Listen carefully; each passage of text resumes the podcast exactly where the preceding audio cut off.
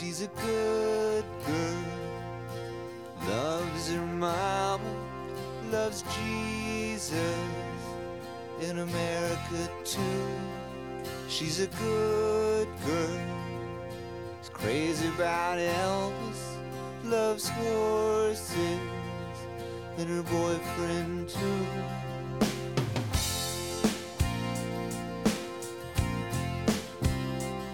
And it's a long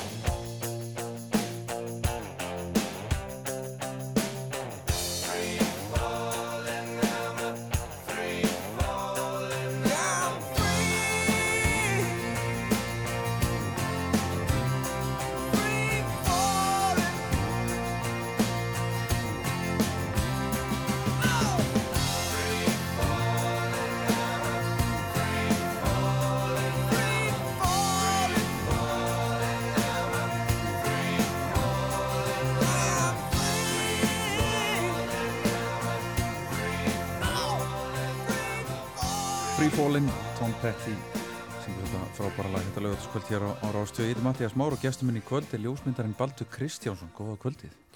Góða, góða, góðan og blessaðan. Góðan og blessaðan. Hvernig hefur það? Ég er æðislur. Er það ekki? Alveg bara mjög ánæður þessi komin helgi og bara mikill helga maður. Já, mikill helga maður. Já, ég er það. Já. Ég verð að, ég verð að segja það. En e, þú starfað sem ljósmyndari og, og það er ekki beint svona 9-5 vinna, þannig að er ekki helgarnar oft bara í tökum. Jú, maður svona reynir að, reynir að strömlínulaga það eins mikið og maður getur að koma sér yfir á virka daga og ég mæti nú alltaf í vinnuna bara klukka nýju eða svona næstu því en svo bara fer þetta eftir svo mörgu sko. Þú hefur ekkit stjórn yfir tökustöðum eða bara fólki eða hvað sem það er. Þannig að ég er mikið hérna, jú, um helgar sko. Já, minka með árunum og svona einhver nætuvinna og nætubröld og maður svona reynir bara maður, maður fattaði það einhvern tímann á leiðinni að ég raunni til að þetta myndi ganga upp og, og verða bara svona endast í þessu þá þyrfti maður að gera þetta aldrei skipula Já, en ég meina, þú veist, eins og það er þetta er enga við 9-5 sko nei. Er einhver ljósmyndar í heiminu sem vinnur 9-5? það var það eitthvað mjög liðlegu ljósmyndari ég er bara, ég get lofaði því En hvernig rambaður í þetta, þetta starf? Þetta var nú bara þannig að hérna, ég var í eh, grunnskóla og í félagsmiðstöðinu þróttum, það voru þeir með hérna, myrkraherbyggi og það var starfsmæður sem hafi mm, svona ágætið stekkingu og áhuga á þessu og hún ákvaða að bjóða upp á ljósmyndan ámskeið þannig að ég fekk hérna, myndavelina frá AFA, þetta er svona klassísk saga, ég hef heyrt þetta frá fleirum sko, en hérna, þá var þetta náttúrulega filmuvilar Já, þú fengið þá kjenslu. Já, ég fekk þá kjenslu sem Já. ég er mjög þakklátið þó að allt sé orðið digital hjá mér í dag en þá bara fekk ég hérna, s- þessa filmuvél og, og pappi hafi verið mjög mikið í ljósmyndun var með myrkakompi heima á sér og var í MR og MH bæði og var al- alveg fulla að taka myndir og hefur alltaf verið mjög dulur í því og ég bara gjössanlega fjall killiflati fyrir þessu ég var hérna mikið í fótbolta þá og, og hérna þú veist, var í úlingalandsliðinu og var bara, það átti hugminn allan á varst- tíma. Þú varst efnilegu markmaður. Ég var það sko Já. og hérna og ég man eftir því að þess að við eitt annan starfsmann þróttima sem hefði reyndar ekki kent mér þetta, hann var líka að þjálfa okkur í fótbolta og ég var svona einhvern veginn að tjá honum bara hann að 14-15 ára gamall að mér langaði bara, ég fann það, mér langaði meira einhvern veginn að einbytta mér að þessu þó að þetta hefur verið þú veist, komin einhver tími á að velja þarna en ég bara var alveg fastur inn í myrkraherbygginu og þegar aðri voru að veist, spila ping-pong eða, eða biljard eða eitthvað, þá var ég bara í myrkrakompinu. Og þeim tíma var sko var haldin svona ljósmyndakefni grunnskólana, þú veist, sem er kannski músiktilunir ljósmyndurinnar og þá var keft, þú veist, milli skóla og strax í áttundabekk þá sá ég alveg, ég var mjög framalega því ég, mér gekk mjög vel í því og svo fór ég í Vestlunarskólan og þar var mikið af svona útgáfi starfsemi, blöð og, og plaggut fyrir söngleiki og alls konar hannig. Og þar svona tók ég þetta á næsta level, þá var maður svona komið með annað fólk sem hafði áhuga, grafískir hönnur, stílistar, förðunafræðingar og þá svona fann ég að það hendaði mig líka alveg ágætlega. Og planið mitt, planið mitt var alltaf að hérna, einsteikt og það hljómar svona eftir á að, að syns, klára stúdinsbróið og fara í hagfræði en vera með einhvern veginn blanda þessu saman sko, þetta var alltaf bara einhver þú veist, maður vildi eitthvað öryggi og Það var eitthvað klassiska með alla, alla sem starfi í, í skapandi greinum. Þeir eru alltaf svo hrættur um að, að þeim verði hent út að- á morgun sko Algjör- og alltaf að vera með plan B. Algjörlega og þú veist, maður fann það, þetta var bara pressa heima líka og Já, þú veist, ekki. algjörlega og ég byrjaði í vinnu? Það, var svona smá mottoði sko, þó í dag sé þetta náttúrulega bara og hef alveg fengið góðan stuðning en hérna, ég byrjaði mér sér þrjár vikur í hagfræði. Ég skráði mig og borgaði innrýðunumgjaldi og ég hérna, ég náði allavega að fara í svona einhverja þrjár einhverja svona ferðir, þannig að ég náði að þú veist, hvað heit, hvað heit þessi kvöld sem voru alltaf svona vísindaferðir vísindaferðir, Já, einmitt, sko, ég náði þremur. Já, þannig að ég, ég hugsaði svona, ok, 15 skall á á fyllir í á fyllir í, sko, var, þá var þetta alveg svona, Já, þú veist, do the math, sko. Og, hérna, en ég man líka mómentið, það var alveg bara, ég var á, um helgi á sunnudegi og fór á Eymundsson og ætlaði svona sína, ég væri nú alvara með þessu námi og fór að skoða hérna Economist, þú veist, einhvern veginn. Og Og var það þá sem hún fattar að Já, það var ekki fyrir þig þá, það var bara þannig, ég, ég stoppaði bara alltaf á myndunum, þú veist, og bara skoðaði þær og þá bara lagði þetta frá mér og, og hérna. Já. Og Ekki bara, farið hagfræði aftur nei, aldrei farið hagfræði og ekki Nei. sé eftir því, sko. En hvað varst að mynda á þessum tíma? Þarna var ég að mynda, sko, ég, tó, ég var eftir Vestlunarskólan, þá tók ég mér eitt ári frí. Mér langaði bara að fara eitthvað, bara, þú veist, maður komin einhvern veginn leið á skóla og, og þá byrjaði ég, stopnaði semst bara fyrirtæki sem ég er ennþá með í dag, ég mitt 15 ár núna í ár frá því og þá var ég, þú veist, labbaði ég bara milli auðlýsingastofa, bara með möppu.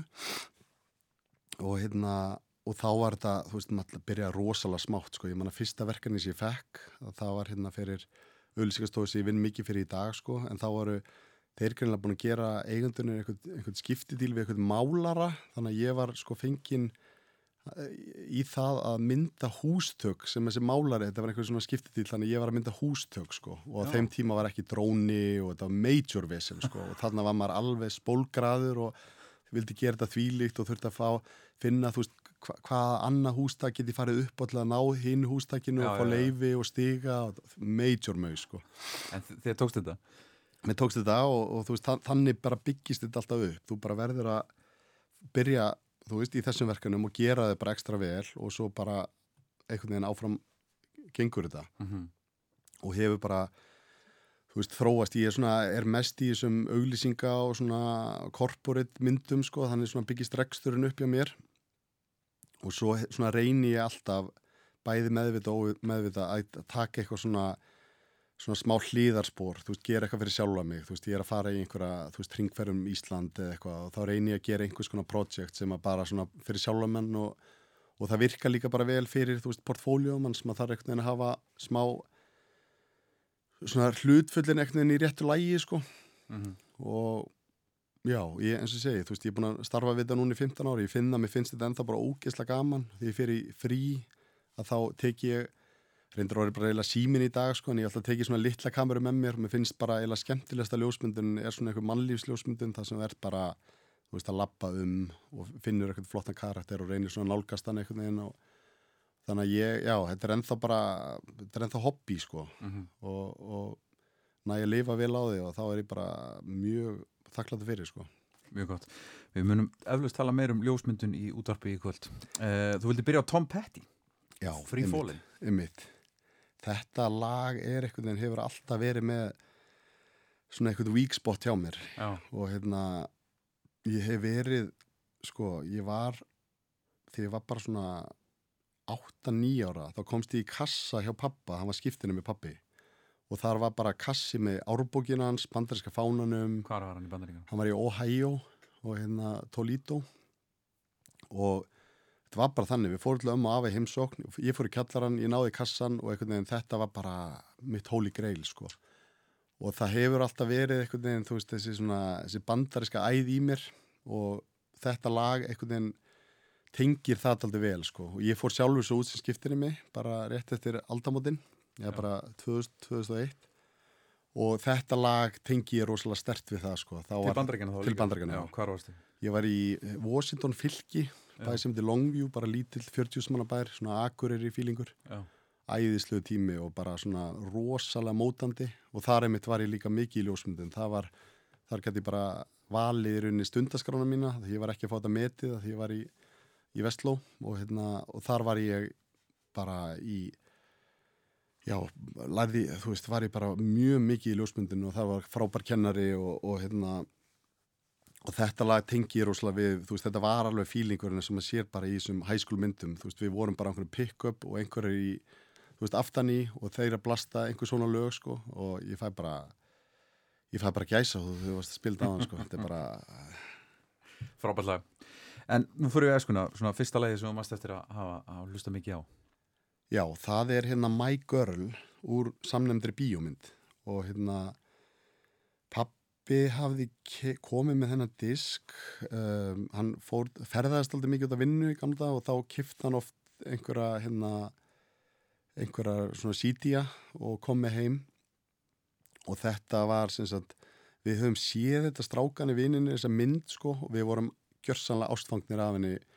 Man ekki hvað hann heitir, Anna eitthvað sem leika mótið með Kölkin og við bara, þú veist þetta var bara svona fyrsta ástin sko og þetta lag blöstuðu við svo ótrúlega oft heima okkur hérna við vinnir bara aftur og aftur og einhvern veginn með bara þú veist, já, ég, ég, bara, ég er ekki frá þetta það er bara verið alveg ástaf þessa píu sko. þetta var alveg rosalegt sko. Já, ég man eftir þessu mynd sko og þessari stelpu sko. My Girl, Temptations.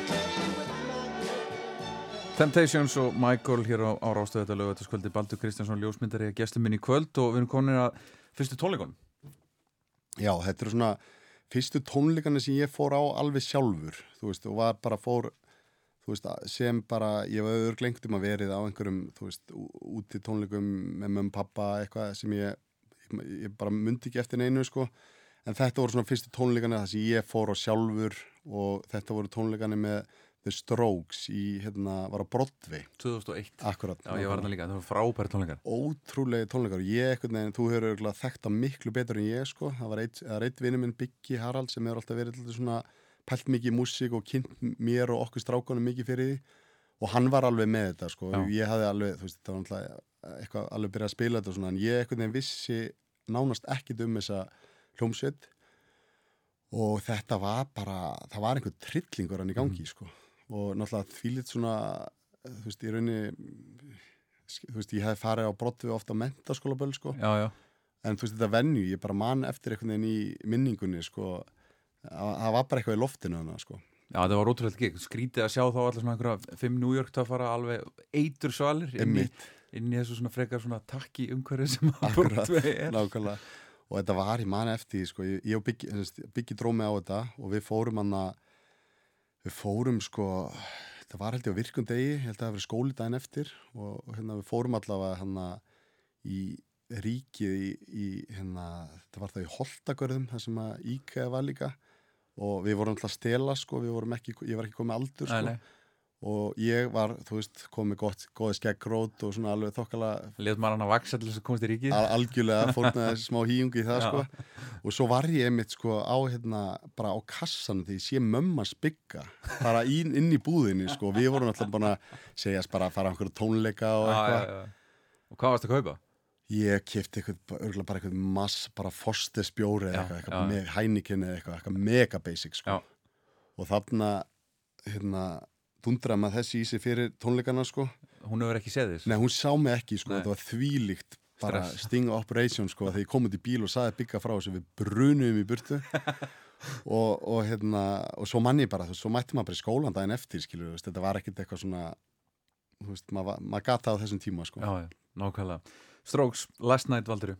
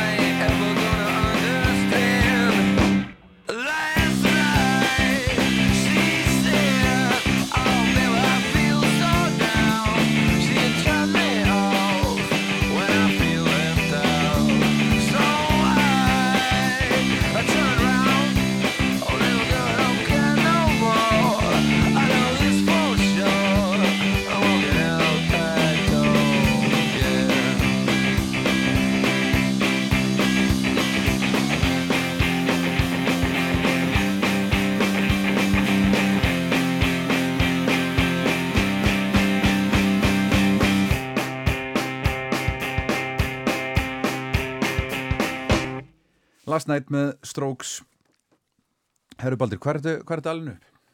Ég er alveg upp í langkoltskverfinu, götu sem þetta er Sæveðsund. Ég bjóð þar á, bjóð þar á tveimum mismundu stöðum í Sæveðsundinu og hérna, og nummer 30 og 96 og svo by- byggum við amma og afi nummer 68, þannig að þetta var svona algjörlega gatan mín í uppeldinu. Já, já, þannig að þú ert þróttari Ég er þróttari. Já, Það er miður, segir maður stundum. Sko. Er það? Já, þú veist, nei, mér finnst alltaf gaman að vera þróttari og það var svona á einhverju tímbili sætti maður sér aldrei við bara okkar hlutskipti, þá var þetta gaman sko. Já, já, já. Veist, þetta var, maður var einhvern veginn ofta að bera sér saman við þessi stærri lið og þú veist, við komist upp í úrvasteild og maður svona var einhvern veginn hugur í manni og en svo einhvern veginn var það alltaf leiðilegsti tíminn sko, þú veist, þá bara var maður alltaf að tapa öllu, lang skemmtilegustu minningarna eru bara í fyrstu deild í baráttu í baráttu sko, Já, já. þú veist bara þróttur fjölnir í gamla dag, þú veist þróttur bara leiftur þú veist, eða Víkingur Ólasvík eða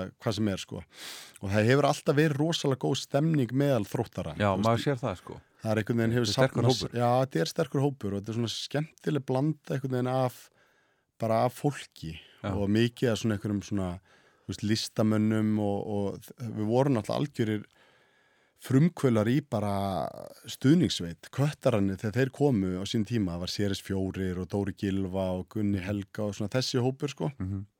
og ég man alveg vel eftir, ég mætti á alla sko þróttaraföllinu gamli var bara við sæfiðasund, ég gæti bara horta út, út, hérna, út úr konar gluggann, blokkir hann sko. Eru konar eitthvað, já, Já, svona Einhver- minn spilaði með þrótti og Nú, byrju hver er það? Hann hétt Indriði Já, ok, hvað, hérna árgerði hann? Hann er, hann, hann var 69, 70 Emmitt, Fór svo í fylki.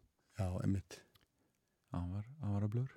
Er hann, hann uppalinn eða? Já, Já, upp var eitthvað þróttari Já, já, já Emmitt, ég veit pottit ef ég sé, þú sko sé andlitið er bara lærin, sko. Já. ég man eftir þessu gæjum alveg bara og hérna, að ég er svona einhvern veginn einhvern tíman fyrir ekki svo löngu þá tók ég þetta bara sátt bara hvað allavega hvað þróttur hefur verið og er at the moment, sko og þá er þetta bara svona þægilegt, sko. Veist, það er rosa gaman bara þú veist, ég hef reyndar hérna, undarfærin tvö ár svona kannski ekki verið nógu duglegur en ég hef alveg verið duglegur að mæta á þú veist, líka útileiki, sko. Það er, það er eitthvað æðislegt við það að mæta á í manengtum mann var ég fór ég á leiknisvöllin hitti þar félaga minn svona, það er bara kunningja og við vorum, ég mætti bara einn á völlin það var skýta veður, vorum að drekka eitthvað ógeðsla vond, bara allt og dýrt kaffi og eitthvað súkulega og maður hugsaði bara, veist, þetta er bara, það er eitthvað við þetta, sko. Já, nákvæmlega Nákvæmlega, en hvernig var að al- alast upp í þessu í Sæðarsundinu? það var bara æðislegt, sko Já, þú veist, maður einhvern veginn bara það var hérna mjög heppi með það að ég svona minn innsti vinakjarni er bara sá sami og ég veginn, ég kynnist hérna því ég er sex ára og meira að segja einu sem ég kynntist á á hérna leikskóla og eitt er að bjó í Sæfiðasundi og og bara, þú veist, þetta var bara svona eins og örgla lítið þorp Já, daldið sko, Já. þú veist, þetta var þetta var þróttur, þú veist, fótbolti svo var þetta skóli, langkvöldskóli og svo þrótt heimar, það var rosalega mótandi Já. Og við vorum í þú veist, já, þessi, bara vinnhópi sem ég er með rosalega mikið í dag, ég svo kynni setna svona kringu Vestló, þannig ég er með svona tvo vinnhópi og þeir hafa meira svo svona mörgjast aðeins sko. Nákvæmlega. En e, förum heim, hvað hérna, þú veist að tala um að pappið var að ferðast mikið, hvað, hvað gerir hann? Herðu, hann var með, hann er núna eiginlega bara í fullu starfi við að vera með gráða fyrringin hann, hann, hérna, hann hefur verið að ferðast bara undan ára á móturhjóli Já, en þú ert nýkominn frá Einmitt. fórst og hittir hann eða ekki? Já, ég tók svona teika hann alveg í lokin. Hann, að fór, tók eiginlega bara Afríku vestuströndina, svona eins og hann leggur sig. Já, það var eitthvað fjara, fimm mánuða projekt sko, hjá honum, hjá honum. Það var bara að leika sér? Já, eiginlega, eða þú veist, þetta er náttúrulega þvílík þvílíkt puð, sko. Já. og hann er búinn að taka áður, sko. Hann voru einmitt, hérna sjónvastættir síndir hérna á rúf sem er hringfarinn, þá fó- fór hann sko hringin í krigum bara heiminn á einhverjum 11,5 mánuð. Og fram að því hafði hann sko, þú veist, hann er engin móturhjóla maður, þú veist, hann átti aldrei móturhjóla og þetta var bara svona í setjum tíð. Já, og bara þvílíkt flott projekt hjá honum sko og hann er alveg bara fixt á þessu sko. Já, en, sjá allt. Já, bara og, og ferðast á þessum ferðamáta er alveg magna sko, ég er svona fengi bara ég fóð með hann til Chile og Argentínu í fyrirtúrnum mm og svo núna tók ég frá Durban til Cape Town í Suður Afríku bara svona síðasta vikanans Já, og hérna hann var sem sagt uh, á, var með fjölskyldu fyrirtæki með sem sagt tengdapappa sínum, pappa mömmu það heita Radiomiðun og þetta var svona í sjáarútveg, Já. voru með eitthvað staðsynningatæki og, og svona fór frá því að vera bara lítið fjölskyldu fyrirtæki og svo ógst það og svo selda það hann einhvern mann held ég 2006 og síðan þá hefur hann verið bara svona í einhverjum stjórnum og eitthvað þannig sko, þá gæti hann bara þá gæti hann fann þess að ég veit ekki, köllun eða hvað sem þetta er sko, sem var, var móturhjóli og hann, þú veist að halda held allir vini mínir að hann hefði bara tekið gráða fyrirgin alla leið og skilið við mömmu og alla pakka, nei, nei, hún er, alveg, hún er elskar þetta líka sko, hoppar aftan á hann bara hjólið og, og þetta er bara svona þeirra golf sko. nákvæmlega, nákvæmlega. Æðislegt. En, en, já, og hvað gerir mamma þín? hún er nýhætt, hún var kennari í Vestlumskólanum, var starffræðikennari. Hvernig var að láta mömmu kenna sér? það var skrítið, hún reynda kendi mér ekki sko, Já, já, en það er alveg, held að sé bara regla hjá skólanum að, gera það ekki. En það var svona kemur eins og busi og þú veist, þú ert einhvern veginn heldur og sért og bara cool, náttúrulega bara eitthvað óryggi sko, og þá einhvern veginn að vera með mömmu sína er ekkert æðislegt. Nei, en svo var þetta reyndar svo svona einhvern veginn með tímanu var þetta þægilegt, þú veist, ég kannski glemdi nestinu mínu heima og svo þá kom þú veist, bókvæslu kennarin bara með nesti að þegar mamma hefði komið á, á kennaraskriftstofuna og, og það eins og segja, þeim kendi mér aldrei sko. Og þá var þetta ekki upp slæmt og maður hefði haldið sko. Já, og já, en hún hætti bara meðal annars að því að þau eru að ferðast bara svo mikið að þá var þetta orðið þannig að hún var alltaf að taka sér kannski halvt ári frí eða eitthvað og fara einhverja ferðir og svo bara já, þú veist hætti hún en hún elskaði þetta starf algjörlega sko. Mm Á mikið músík á heimilinu? get ekki sagt það að það hafi verið mikið. Það er, það er hérna nei, þú veist, með vini mína. Já. þú veist, ég, ég einhvern veginn svona fattaði það í setjum tíð að, að það er alltaf verið spilað eitthvað en, en, en sko pappi reyndar átti rosalega bang og ólusen græður hann keifti það einhvern hann var mikið í viðskiptum í Danmörku ég held að hann hafi keifti þetta í einhver einnig þannig ferð og það er ennþá uppi hann kom með það svona 1990 eða eitthvað Mm Það er eiga virka bara endalust og gera ennþá, þetta er alveg magnað sko. þannig að þetta var daldið þannig að við áttum bestu græðunar, þannig að strákani komu stundum með nýja diska og blöstu þetta alveg í Já. drasl sko. Og ég man alveg eftir svona einhverju mómentum sem að, þú veist pappi var alveg að testa voljumtakkan sko, og svona annarkvort, þú veist, bara heima að, þú veist, bara blasta þetta eða þá eftir eitthvað matabóðið eitthvað en nei, ég get ekki sagt að það hafi verið mikil, mikil músík spiluð sko. Nei, en þú ert með, samt með lag með Brian Adams Já, það er þetta lag sem ég tengi rosalega við að þegar að, þú veist, hann vildi testa hvort að, þú veist, gæði græjana. Þá sett hann Summer of 69 á Já, og alveg, þú veist, blastaði það, sko. Og það voru reyndar, það áttu rosalega mikið af geisladiskum. Ég held að þetta hafi verið einhver svona regla hjá hann að hann kifti, þetta var svona, þú veist, kom heim, fór í fríhöfna, kifti disk. Já. Og þannig að það var alveg til, alveg slatti, sko, og hérna, þetta lag tengi, já, ég tengi bara svo rosalega við þetta pappi, bara lasta einhverju kannski búin að fá sér einn drikka eða eitthvað æðislegt Brian Adams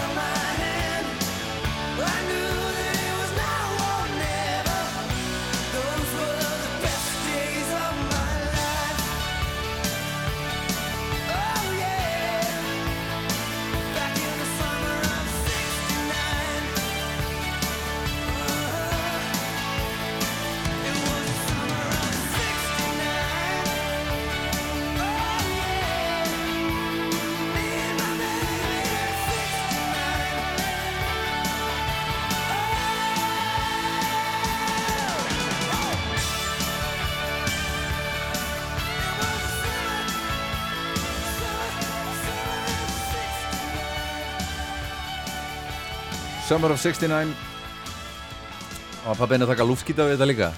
Þetta er náttúrulega luftgítar Já, já, ég, ég man er einhver, kannski fölsk minning ég veit ekki, kannski var þetta einhver félagi minn en ég ætla að setja samt pappi að þá stóð hann upp á hérna sófanum minn í stofu og, og tók eitthvað svona luftgítar sko. það var einhver sem gerði það. Ég, hvort bara segja að það pabbi. var pappi uh, Sagmyndan Sælan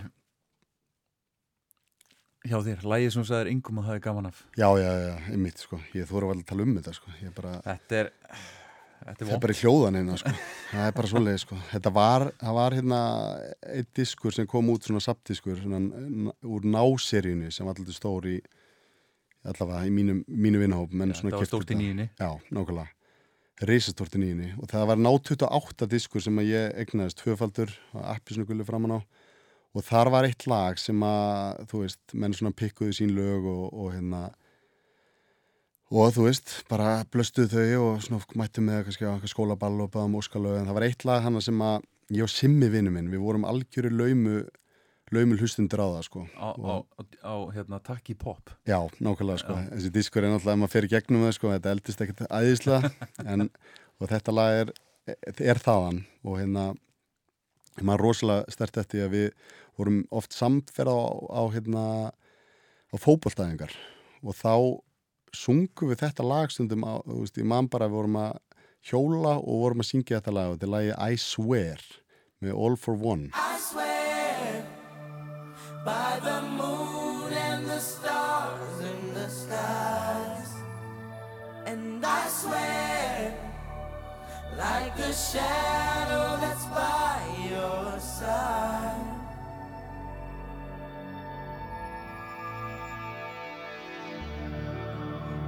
See the questions in your eyes. I know what's weighing on your mind. You can be sure I know my part. Cause I stand beside you through the years. You'll only cry those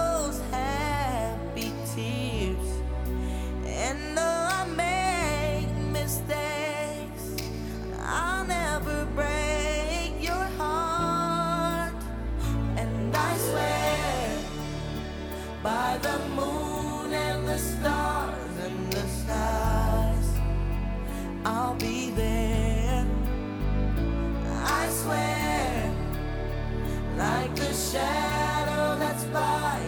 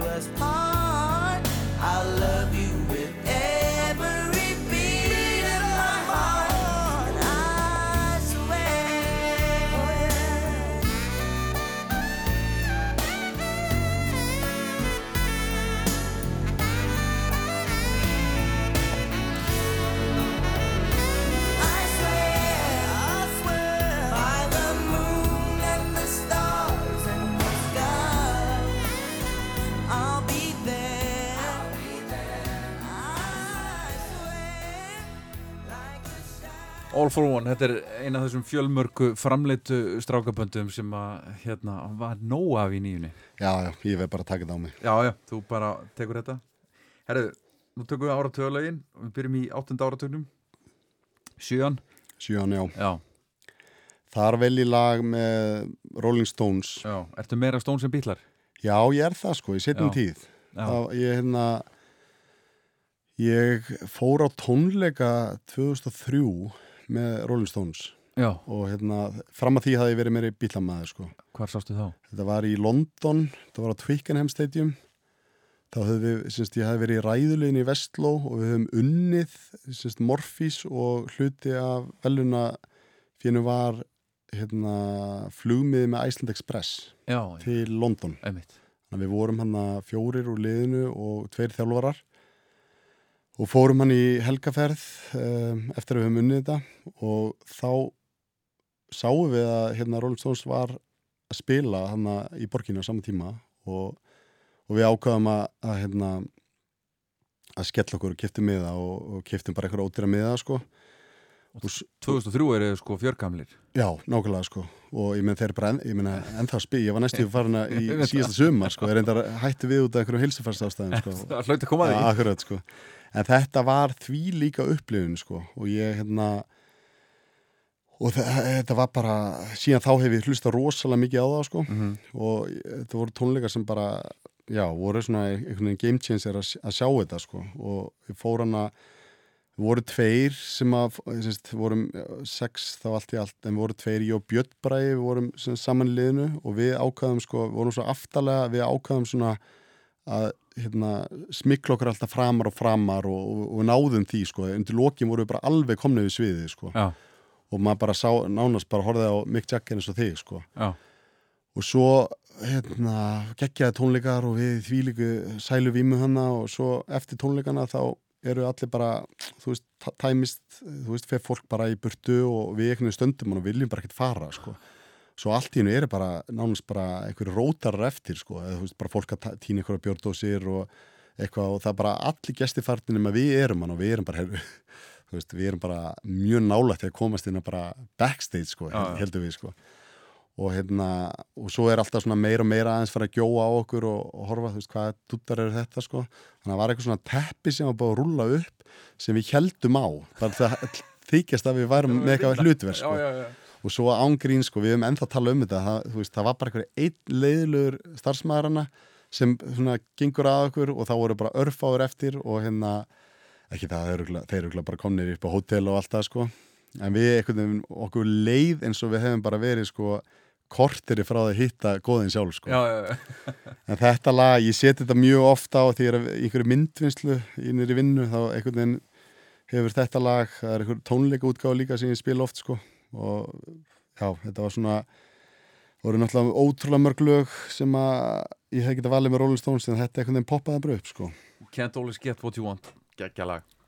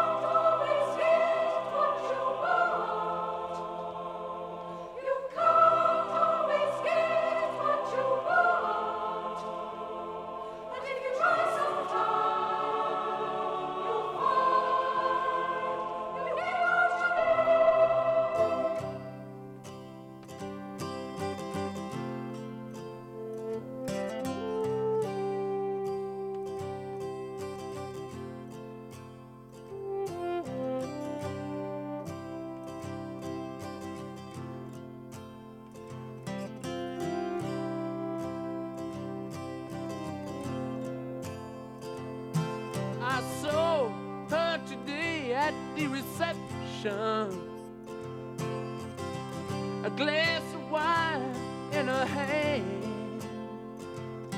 I knew she was gonna meet her connection. At her feet was a footloose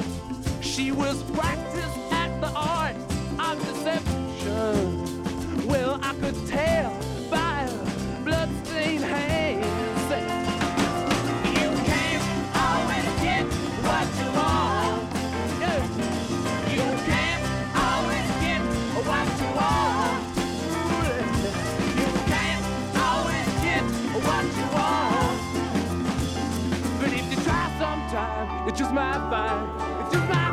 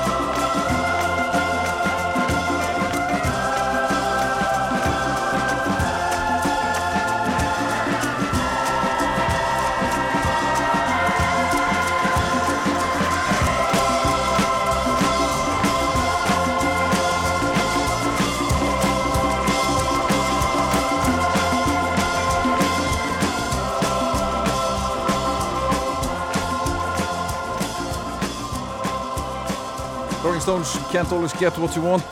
Var nýjandi áratugurinn, áttan. Já, þarna förum við aðeins aftur inn í innan bandaríska heiminn.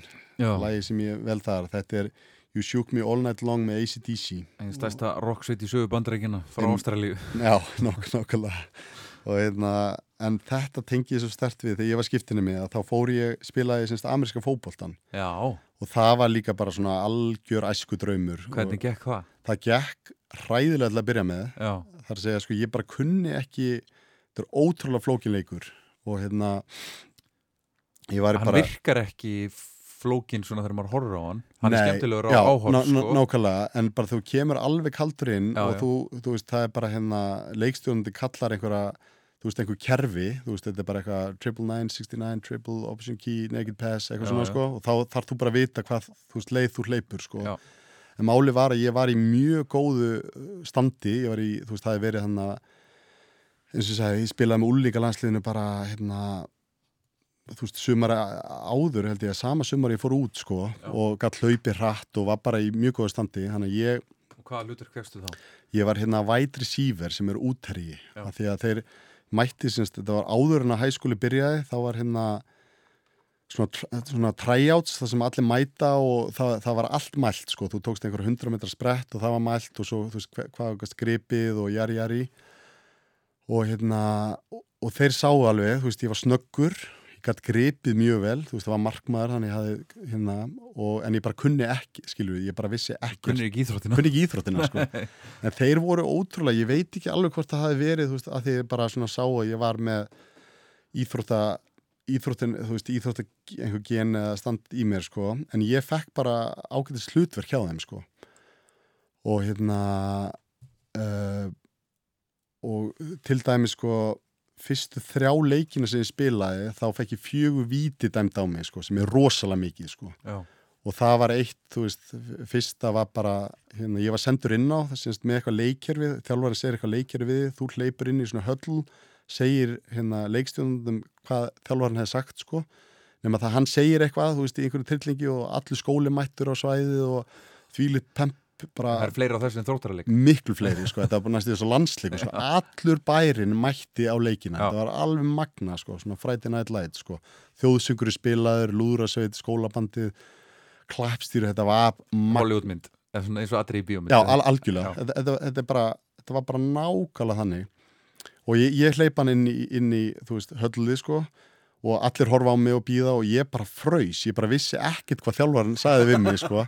Þannig að ég bara fröys og sagði bara, sorry guys, ég bara veit ekkert hvað, þú veist, ég vissi allar hvort það voru með sókn eða vörd, sko. Nei, nei, nei. Þannig að þá fengum við eitt vitið og svo var annað fyrir að hérna fyrir að þú veist það, var, það var í vörð sko. Þá var einhver að hlaupa og dómari löngu búin að sko flauta af og ég var bara svo peppaður þú veist eins og segja með allan skólan hann að baka þannig ég strauja gaurinn sko tíu sekundum eftir að hafa búið að flauta en ég er ánægasti með semst, eitt eh, síðasta víti sem ég fekk á mig það var hérna það var þegar við skoruðum hérna, touch, eða ég skoraði touchdown á móti sko, rival skólanum sko, þú veist eins og F.O. Haukar eða eitthvað og bara mann ennþá eftir þessu mómenti, ég sé bara bolta nálgast fer í reyndar í einhvern veginn í einhvern varnamann og þú veist, sendingi var ekki á mig sko. Berst bara til mín, ég gríp boltan og hleyp og bara, þú veist geðveikt sko, þú veist, bara full stúka öskra og allir koma að mér og ég hafði bara séð í bara sjónvarpinu, þú veist, alltaf þeir skoruði svona spike the ball, sko. Já, já. þannig að ég geri það, bara svona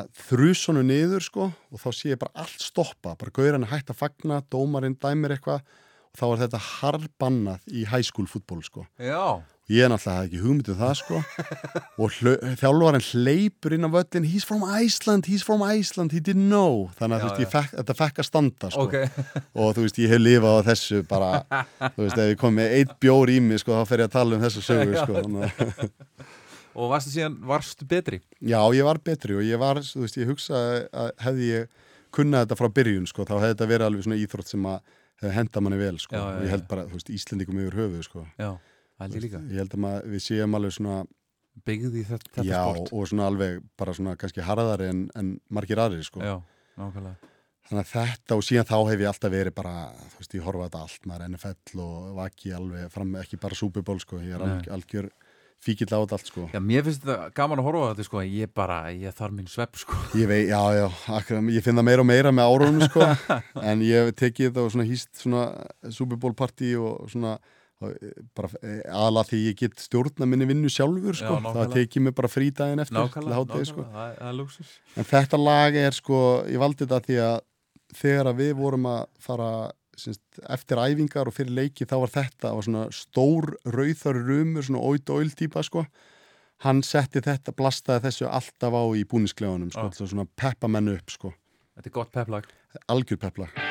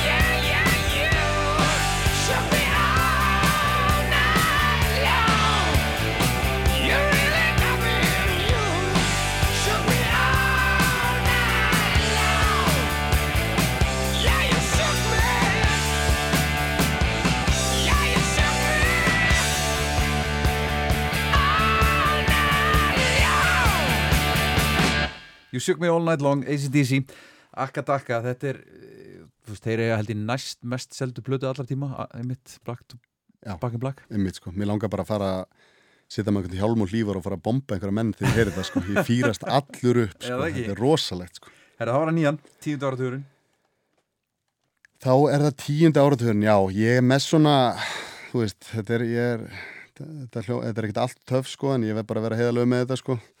Þetta er uh, lag af uh, sömu plötu og ég var að tala um áðan, hann ná 28. Já, hún hefur gefið við Já, hún gaf rosa vel, sko, því la- ef ég, ef það hefði verið einhver svona mælinga svo getur fylgst með á Spotify í dag, sko, þá er þetta sá diskur sem er annaruglega bara rispaður, ég, ég hlustaði svo ofta á hann, sko. En þetta er vett, vett, vett, Love is all around. Þetta var einhverju bíómynd það var í einhverju bíómynd, var þetta ekki í einhverju Four Weddings eða? Já, getur verið, þetta var, einhver, þetta var minnum eitthvað svona breskmynd sem Já. þetta var eitthvað svona aðalægið sko. Og þetta er svona smá bara þú veist, smá sem að var ekkert að blasta þessu alveg en svona í okkar vinahóp sko, þá var þetta daldi, þetta var sett á sko, Já, veist og í alvöru eða gríni? Nei, bara í alvörunni, Já, bara já. fúlustu alvöru Já, sko. og bara, þú veist, þetta var vangalag sko. Já, já, já, mitt. og menn, það var náttúrulega risastórt dæmi fyrir bara í sko skólabölunum já, já, þegar maður fór út, út réttum höndum yfir í nákvæmlega, bara- það var rosalegt það skref var rosalegt sko. og hérna, þannig að maður mátti í rauninni hafa eitthvað svona eitt svona lag að því að þú veist, jú, jú, einhver gæti beðið um eitthvað vitni hjústolag, vangalag eða eitthvað, en þetta var svona einhvern veginn okkar vangalag sko. Já, og ég er ekki frá að maður hafi tekið, þú veist, í risinu sko, það er maður einhvern veginn tekið farið með hendurna jafnvel á bakið sko. Uss Wet, wet, wet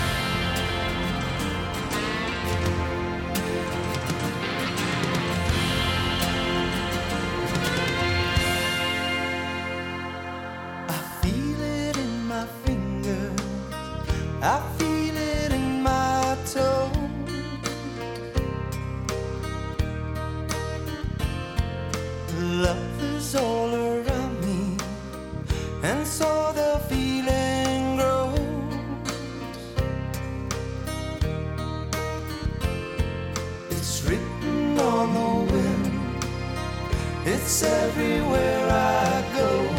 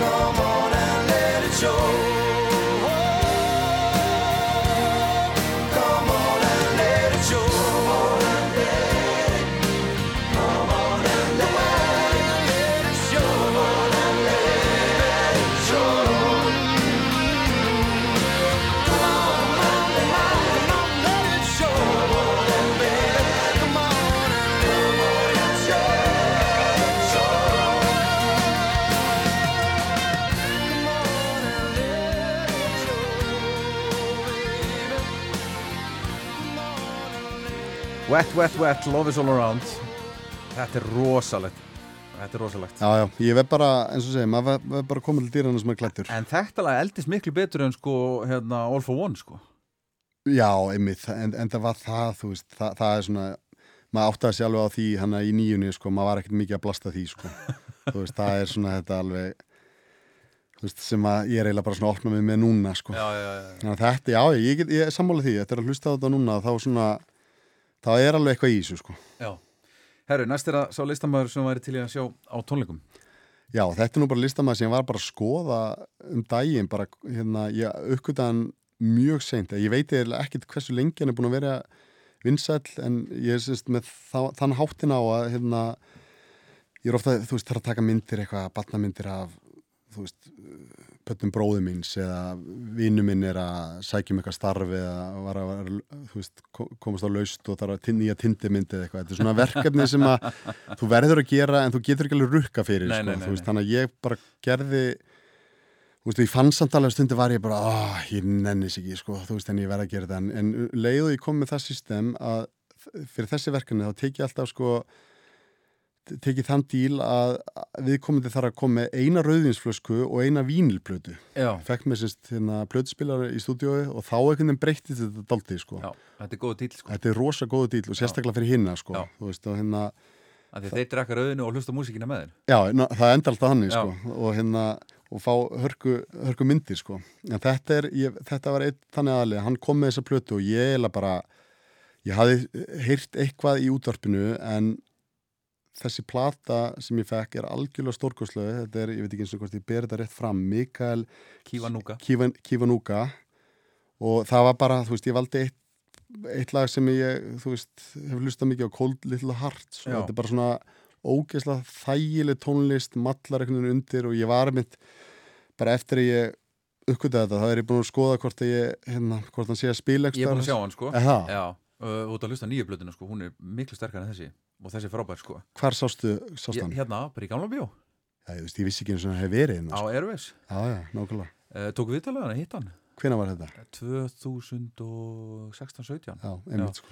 Hann er ótrúlegur. Hann, hérna, algjörlega, og ætlar að fara á einhverju tónleiki í ár. Uh, hann er frábær á, sviði. Frábær band og hann leifir, hann breytir útsendingum og lögunum aðeins og bandið er alveg magna. Það er mjög gott tónleikaband. Næs, það er sérstaklega ánægður að heyra þetta eftir að hafa hérna hort á svipinar þegar vorum að spila I swear og wet, wet, wet sko. en þetta er, er frábært að heyra ég ætla bara að láta verða þessu Já. 2020 Michael Kiwanuka.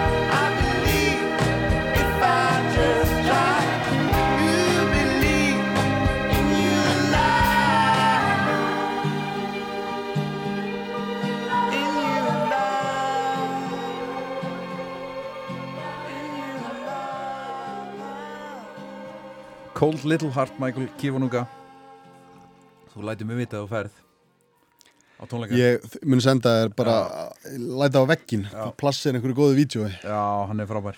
Og svo gaman að þessum tónleikavídjóum alltaf. Herðu, eða ekki. Eða ekki.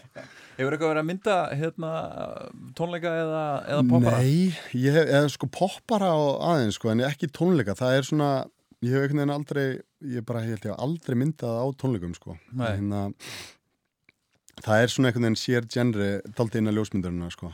Já, Spessi hefur verið að gera það Já, dálítið. einmitt, Já. hörðu Sveins og Já. eitthvað svona gæjar sko. Já. Spessi er er, hérna, merkilegu, merkilegu kall. Hann, eh, ég man eh, hérna, hann er með mjög mikið leifi hjá hljóð og, og sviðstjórum.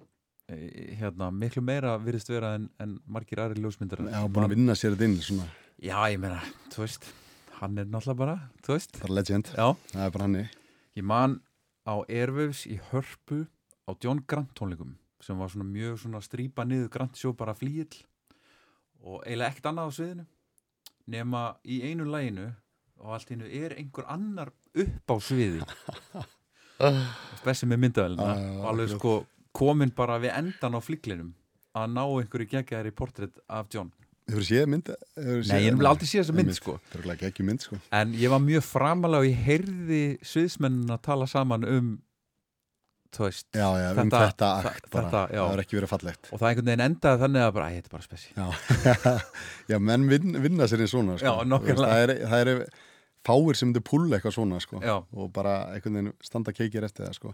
Ég hef myndað daldið af sérst, já, hljómsveitum hérna, og það hefur svona oftar en ekki svona endað einhvern veginn á portfóljónu minni sko. já, já, já. og, og oft verið ég myndað daldið fyrir greipvæn svona fossín og þar genum árin sko. og þar er alltaf mist rosalega gaman að skoða þessi músikblöð og, þær, og svona pæli alveg í því að fá einhvern svona innblástur þá fer ég oft bara að skoða plötu albúm sko, veist, bara cover Einmitt. þetta er alveg hérna algjör list einhvern veginn sko Mhm. að ná þessu, þannig að ég, ég er alveg opinn fyrir því Þetta er ekki líka auðvelt fólk að mynda?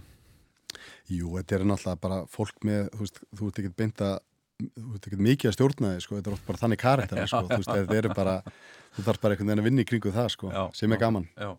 Herru, plata sem var þetta leið á Já, það er hérna það er með Neil Young platan, Harvest, já, Harvest og hérna, þessi appisnugula þessi appisengula já, hann er mitt á víni líka, sko. Já, mér líka, hún er já, eina hún er svona Betri plötum alla tíma. Já, hún er eiginlega uppáhald svona með svo, með svo flott, fara, þú veist ekki ljósmynd framan á en bara, minnst þetta svo logoið logoið og bara einhvern veginn litinir í þessu, sko.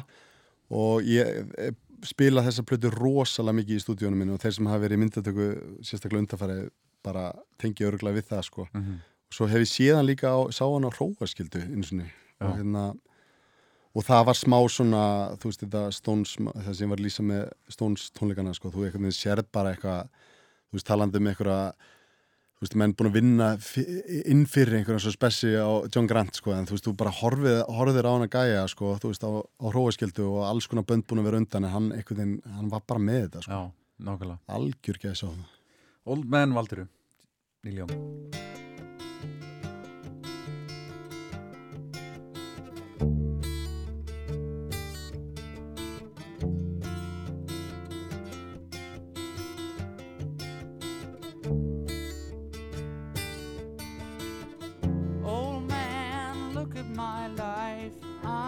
lot like you were. Old man, look at my life. I'm a lot like you were.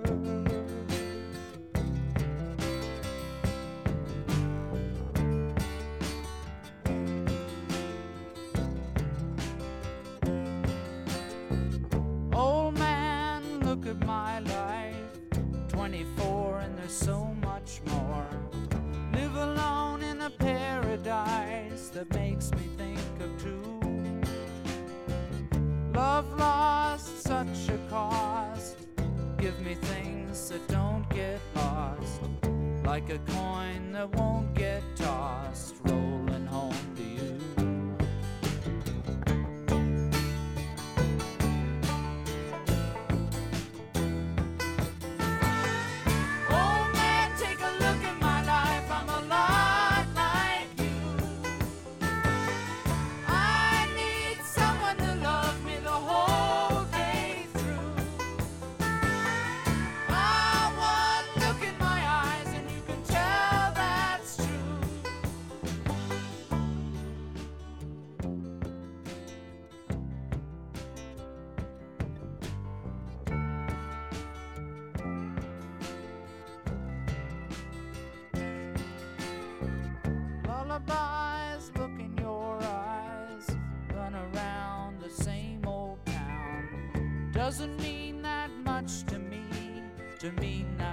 to you.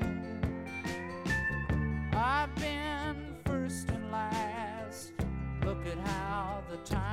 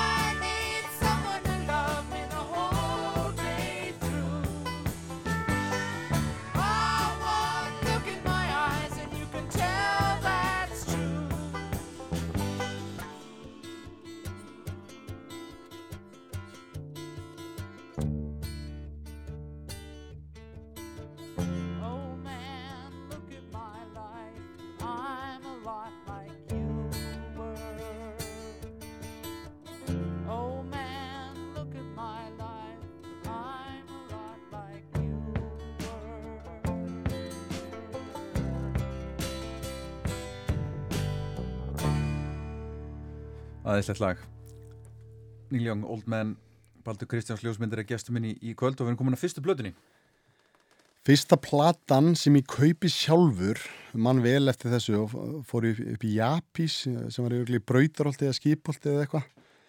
Japís, hérna, það er núna er, held ég, Reykjavík Rúst, þessi er eitthvað kaffihúsana, sko. Já, Og hérna kefti plötuna Mellow Gold með Beck. Já. Og, uh, já, og bara hlustaði mjög mikið á hana. Þetta var eitthvað svona tímabil hjá mér að sem var eitthvað, eitthvað svona semi-skeitari, ég gati ekki neitt sko og þetta var svona einhvern veginn tískan meira en já, me miklu meiri tískan sko Já. dettin í tíndalekkin og kaupa sér inn á plötu hjólabrettaplötu og þetta einhvern veginn svona tengið aldrei þetta þegar ég þóttist vera einhvern veginn í þessu þessu tímbili sko. Og hef hlustað ég reyndi þetta rosalega. líka, ég gafst mjög fljóttur já, einmitt, gastu gert Ekki olli eða, Nei, nei, nei, neitt. ég var alveg hræðilug sko. Og hérna, en svona gætt lifað lífstílinn smá sko. Já, einmitt. Og hérna og ég hef hlustað rosalega mikið bara á Beck einhvern veginn, hann hefur alltaf verið hérna og átti mjö, þú veist, á alla plötunar smáskífunar og þú veist, þegar maður var að hlusta á CD-ina sko. Og, og þetta þú veist, einmitt, bara eins og tónlist gerir sko, þú veist, þú bara hérna heyrir eitthvað lag og þú fer, ég fer aldrei bara inn í þetta, ég man ekki hvort þetta hafi verið 96 eða eitthvað sem ég, 596 sem ég kaupið það sko. Já, og ég er bara svona, ég man smá bara hvernig mér leiði þarna sko, Mhm. bara einhver gel, óþólandi gelgja með, þú veist reysa áhyggjur yfir ekki neinu sko. Beck og Loser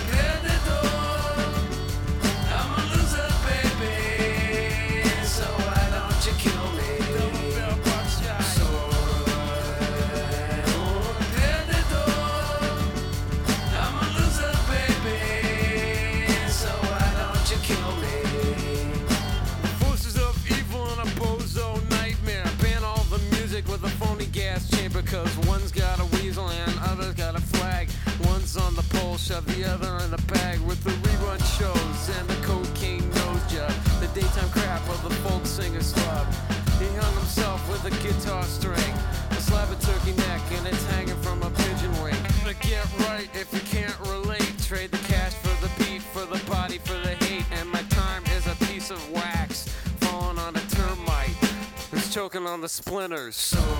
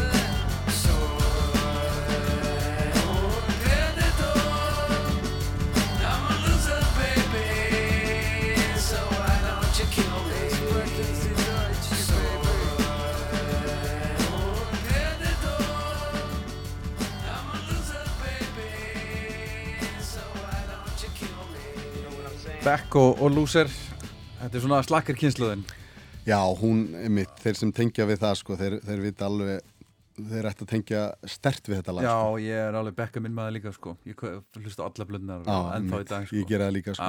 Ég hef oft einmitt leitað hann uppi þegar ég verið einhverstaðar í verið í bandaríkunum í sumafríum sko, og þá hef ég alltaf reynd svona sjá, hvort hann sé einhverstað nála Hann spilar aldrei, hann spilar ekki Nei, mikið, ég hef ekki bara fundið, þú veist, aldrei verið nála því sko.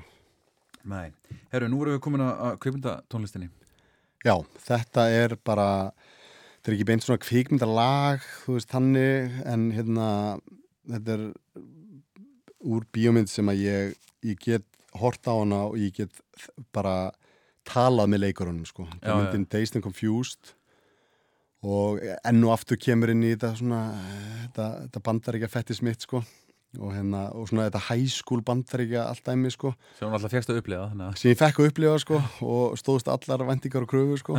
Og hérna og þetta er lagið Schools Out með Alice Cooper og þetta er bara svo stert í í myndinni sko. Og maður bara einhvern veginn veðrast allur uppi að heyra þetta sko. Alice Cooper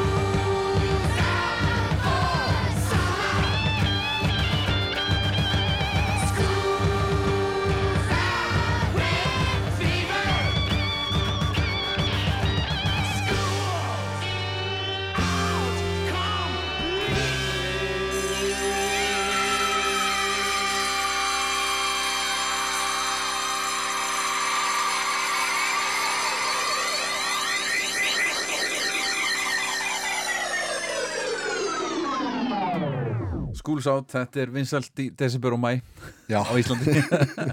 Nákvæmlega. Það er frábært lag. Já, þetta, er, þetta, er, þetta vekur upp góða minningar. Herri, ég tók sensin á því að, að, að þú uh, hafðir eitthvað plokka gítar eða, eða reynd að syngja? Já, sko, það er nú bara þannig að allar fjölskyldur hafa einhverja böl á sér, sko. Það er einhver, einhver trauma allstað, sko. Minni fjölskyldu er það klálega bara hversu fölsk við erum. Já. Það er rosalegt, sko. Og hérna, að, Þetta er sama bölvun á minni aha, Já. já, vá maður. Ég, þá gott að finna bróður sem að skilum hann, sko. Af því að þetta er bara Það heldur bæði... ég sitt í hér um mitt, sko. Og hérna, ég...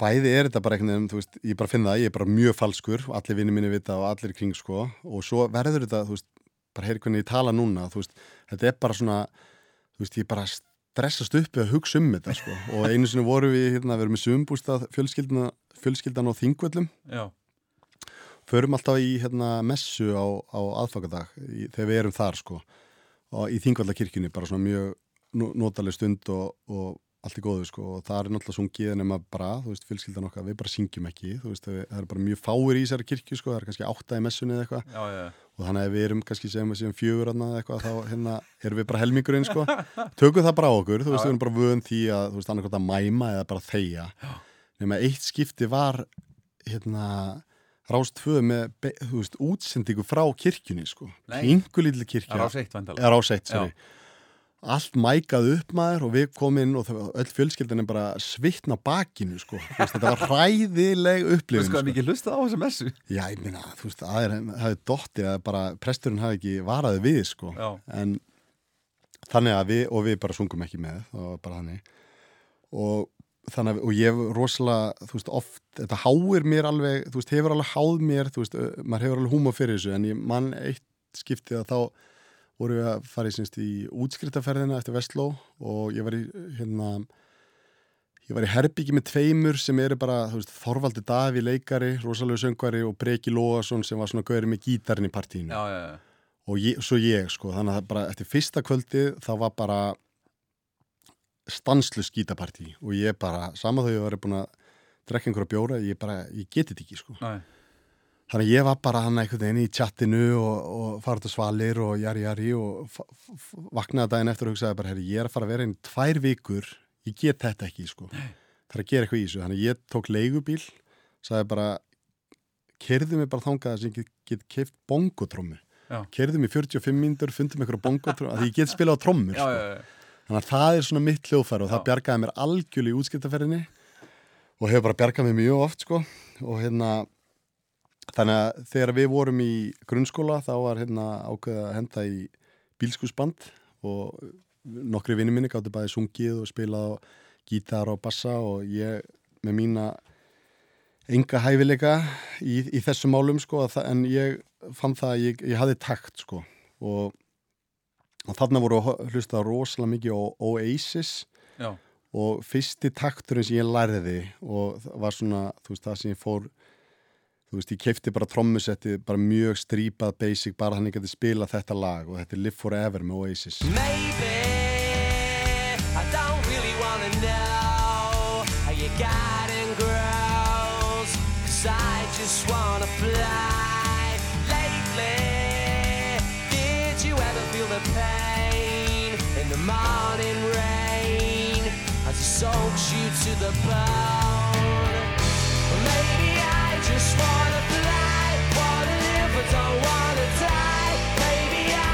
wanna breathe.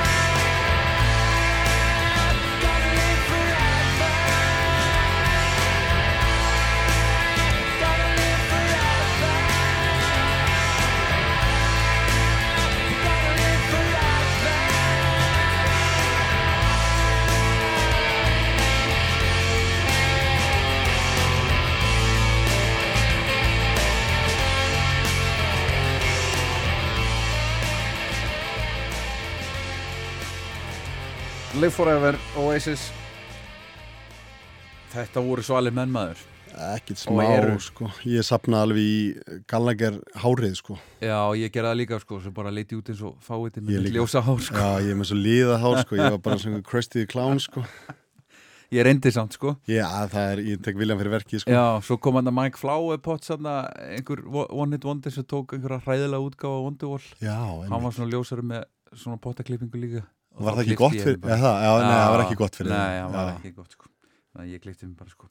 Herruðu uppáhalds íslenska leið Já, þú veist, það, það, þetta er svo st- stór spurning sko og hérna, þetta er veginn fó- fer dálítið eftir bara stemningunni sem maður í þegar maður, eh, þú veist, taka þetta saman sko en ég, ég stend alveg keiku við þetta, þetta er, þetta er lag sem ég fíla massa vel sko. Talk í tempo maður. Tokki tempo maður, fjólublátt ljósi bara með klíkunni, þetta er svona lag sem einhvern veginn, ég hugsa oft sko, hefur þetta verið einhvern veginn bara útsett nánast í dag sem eitthvað, ég- eitthvað meira elektró eða eitthvað sko, veist, þetta er, þetta er geggja grúfi í þessu sko. Og þetta lag kemur einhvern veginn alltaf í fílingin sko. Klíkan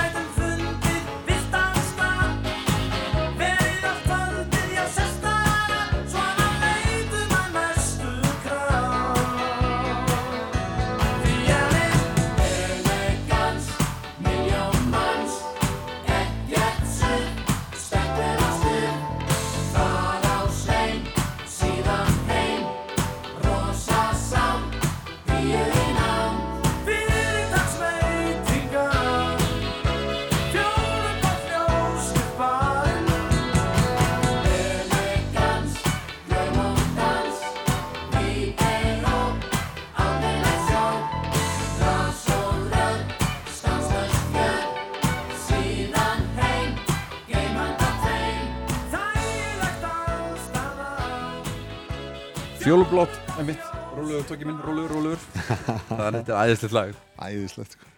Klíkan og, og fjólublátt ljós við barinn. Herru, Já, Man- Maðurinn sem syngur ekki? Einmitt, sko, þetta er svona getur rétt ímyndaðar og getur vantalega tengt við það þegar maður er fastur sko inn í einhverju karaoke herbyggi Ó, guð maður.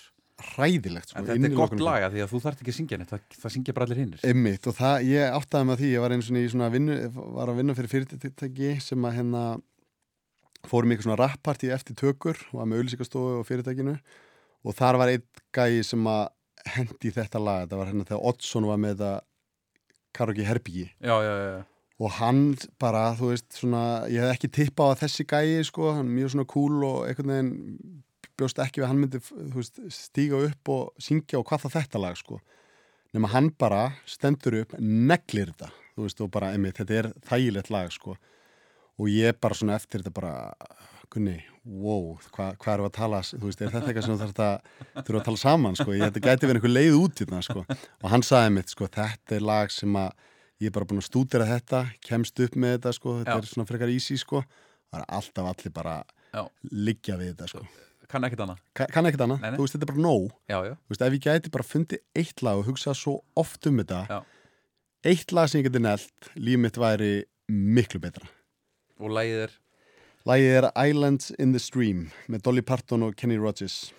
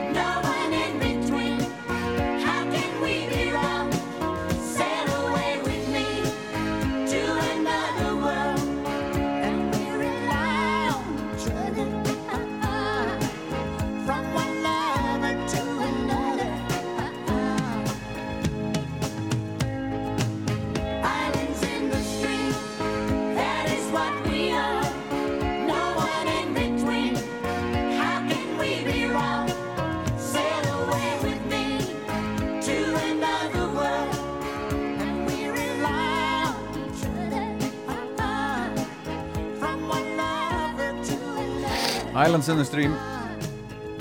Dolly og Kenny. Við getum kannski tekið þetta saman félagarnir. Já, okkur ekki. Uh, Herðu, Baldur, ferðalögin? Já, Nú ferðastu mikið? Ferðast mjög mikið. Bæði bara svona hefur þetta verið mín svona bara ástriða og líka út af vinnu. Ferðast mikið innanlands, mikið bara á svona stöðu þú veist, fer nánast að hverjum einasta vetri allavega einhverja svona ringferð þar sem er einhver verkefni og þannig að þá bæði þegar ég bara ferðast sjálfur þú veist, hefur verið að tók alveg svona áður fyrir tók ég bakpokaferðalagi alveg til langt sko og svo, en ég tengi þetta núna lagi sem ég er að velja núna meira við svona vinnutengt Já. Þú veist, og ég var alltaf með þá reglu að þegar ég var að fara einhver lengri ferðir að þá fór ég alltaf og kifti einn hérna einn geisladisk bara svona, og oft let ég bara oft let ég bara hérna starfsmannin bara velja fyrir mig sko Mhm. og það var einhver tíman sem að ég fór í heldur 12 tóna með stúdíu þannig að skáamóti og hann rétti mig bara einn Leonard Cohen disk sem að ég bara nánast eftir það þá, þá var ég ekki að dulluður að uppdata þú veist hérna geisladiska geisladiskana í bílnum sko því að þetta bara var allt, ég byrjaði bara alltaf þú veist ég bara tók bara bensin í hérna ártúnsbrekku setti þetta lag á og kerið þessu út í bænum sko. Og e, e, e, þessa plötu sko. Og þetta var bara best of Leonard Cohen plata og ég valdi lagi Everybody Knows. Cohen. Cohen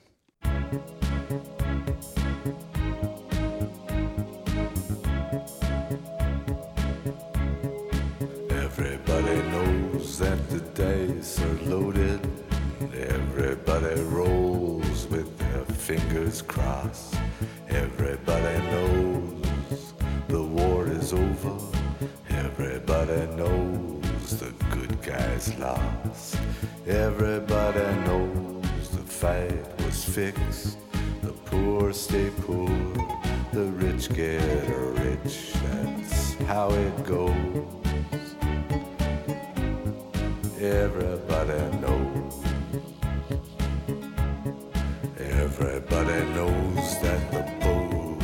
leaking.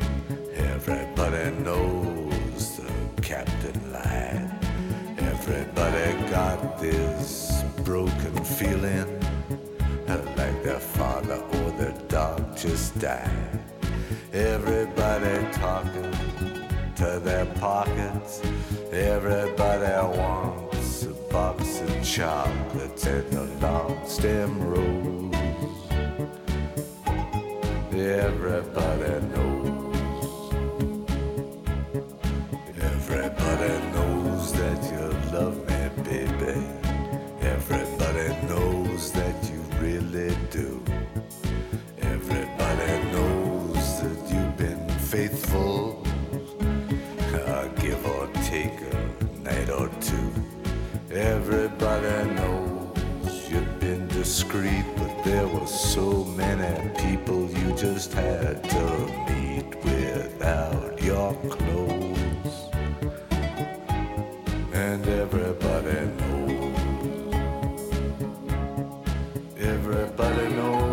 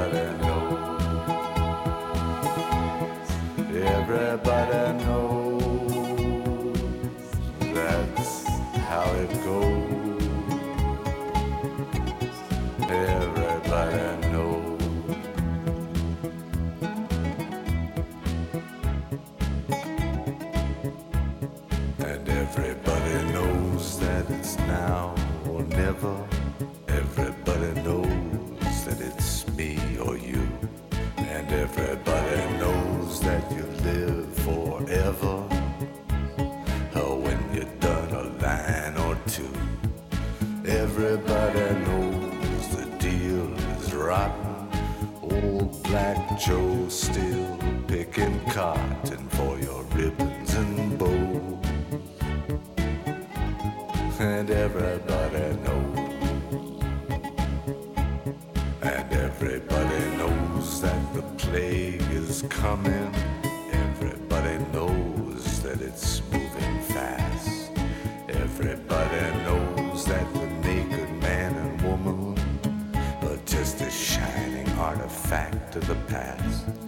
Everybody knows the scene is dead, but there's gonna be a meter on your bed that will disclose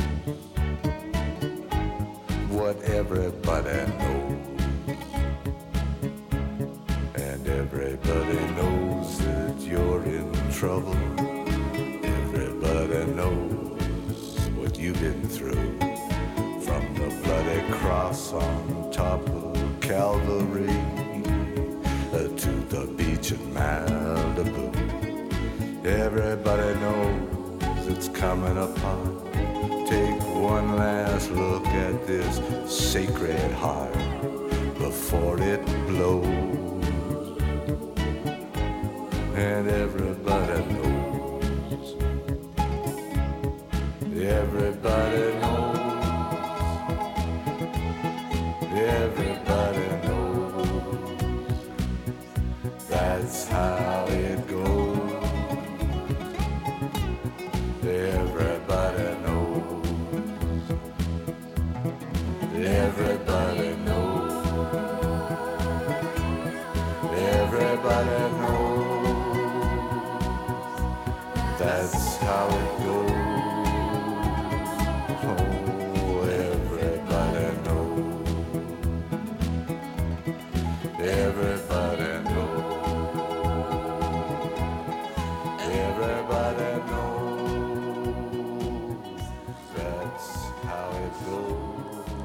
Leonard Cohen, Everybody Knows ótrúlegur ótrúlegur tónlistamæður Ótrúlega maður, ég verð að minnast á það, ég var nefnilega í Kaupmannahöfnina fyrir teimu vikum og það er síning sem að ég hvet alla sem eiga leið annað framhjá.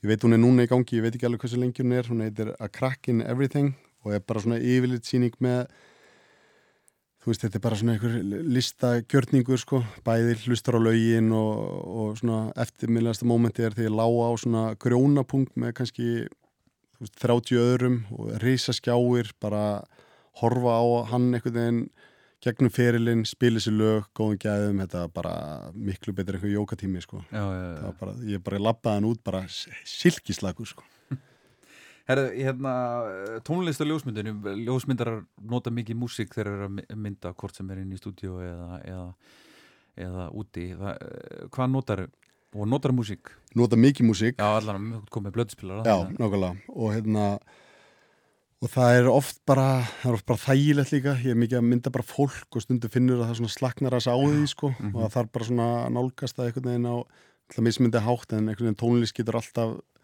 þú veist það er bara þægilegt í stað einhvern veginn fyrir þögnina. Mhm. og einmitt blöðspilarinn var svona hluta því að svona einhvern veginn að hafa það. En ég, lagi sem að ég er að setja núna er ekki, já það er ekki á vínil en þetta er lag sem að einhver hluta vegna, það er strákur sem heitir Hjörtur sem hefur aðstofað með mikið í myndvinnslu. Það er svona alveg örgulega 50% af mínu starfið er bara að vinna myndinar sko. Og Hjörtur er alveg snillingur í því að gera svona flóknari hluti það þarf að skipta um heiminn eða photoshopa þú veist, taka út einhverja mannisku setja aðra og hann svona sér um það fyrir mig sko. Og hann er alltaf verið í öðru vinnum sko þannig að ég hef svona haft aðgang að hann stundu bara oftast á kvöldin sko. Og hann hefur tekið svona tarni með mér og, og þá er það oft bara þú veist, fram á nótt sko. Og það var eitt lag sem að þegar vorum einhvern veginn alveg að bugast komnir, þú veist, búin að horfa sömu myndina allt og lengi og þurftum eitthvað svona vítamin sko þá settum við lag sem er með Annie Lennox á og þetta var bara einhvern veginn lagið okkar og alltaf þegar ég þarf einhvern veginn þú veist, smá kikk þegar ég er svona að loka metrónum þá set ég þetta lag ennþá á Og það virkar. og það vi- svín virkar sko Já. þegar að kaffi er alveg hægt að virka og allt sko einhver göngutúr upp og niður skólaustíðin og þá set ég bara Shining Light með Annie Lennox og það bombast allt áfram Roman candles that burn in the night. Yeah, you are a shining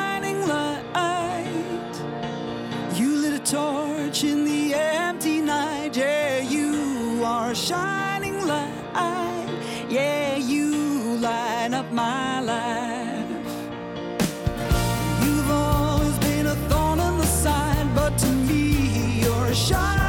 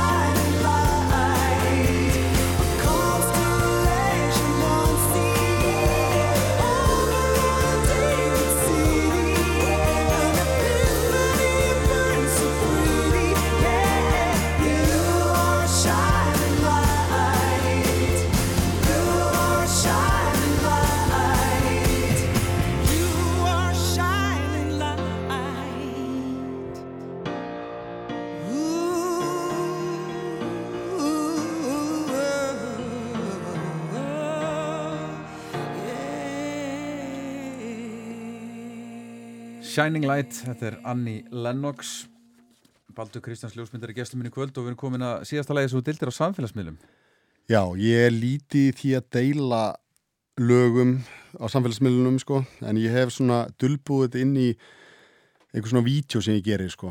Já. Þannig að ég fó bara inn á hérna, tímalínuna mína, Facebook og Skrollaði niður skrollaði niður vel og lengi og þá hafði ég sett hérna vídeo af því ég var að keira ég á svona gamla Chevy svona húsbíl trukk sem að 83 model.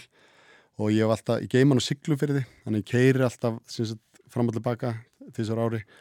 Og þá hef ég gert svona eitthvað svona ferðasögun í því sko. Og hérna og það var síðasta lag sem kom frá mér á samfélagsmiðla. Og það er hérna, var lag sem að ég, ég var, ég man, ég var að setja myndband saman og svona, þú veist, vant að rétta lagið í þetta sko. Og kom niður á lag sem að heitir Dalli Drifskaft með sumagleðinni. Já, og það var lag sem ég bara fann það hverki, það var ekki Spotify, það var, það var ekki tónlist.is, það var ekki á hérna YouTube, það var ekki hverki sko. Og hérna og þetta fittaði bara einhvern veginn fullkonlega við sko, þannig að var eiginlega, ég er eiginlega skvíla félagin minn sem er mitt að vinna á ónefndri, eða var að vinna á ónefndri útastöðu, þetta var til í kerfinu það kerfinu þar sko, þannig hann- ég fe fekk hann til að sko gera eitthvað zip-fæl og við transferið á mig sko, ég veit ekkert hvort það sé leifilegt eða ekki sko. að að þetta er að sjálfsögðu til á safni ríkisútursins Já, það er skemmtileg tilviljun. Að það, sé á sömu stöðu sko. Dalli drifskaft, sumagleðin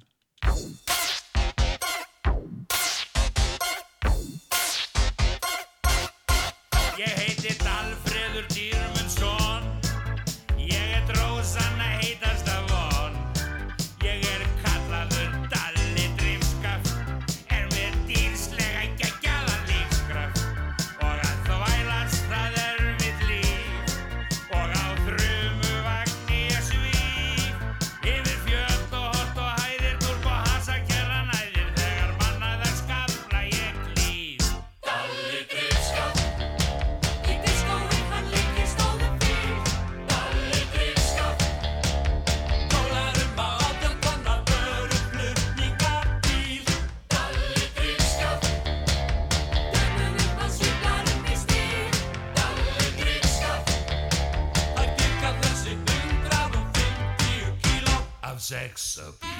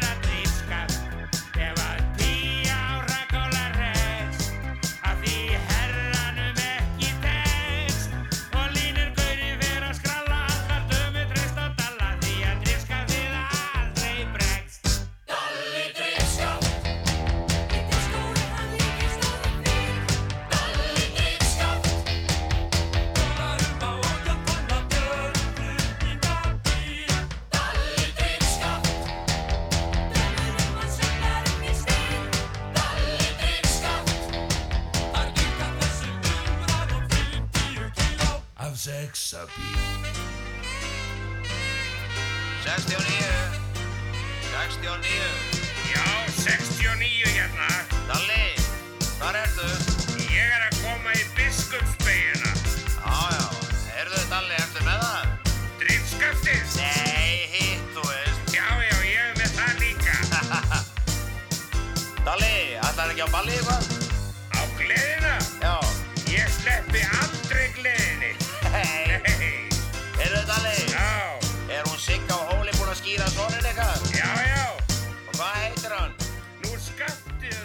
þetta. Þetta skafti maður Sjálfsögðu. Súrt uh, íslenskt green pop Já, einmitt.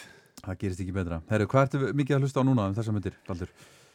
Sko, ég kom fram hérna á þann að ég er þróttari. Já, Þannig að ég hef kannski ekki verið mjög sigursall svona einhvern veginn það kemur að horfa á íþróttir. nei, Og þanga til eiginlega í fyrra og í ár, þá hefur ég verið svona að þjást líka í, með liðið mitt í enska boltanum. já Ég er sem sagt liðbúlmaður. Já, þú ert með það heilkinni Ég er með það helginni sko, hér í samfélaginu, varaformað samfélagsins.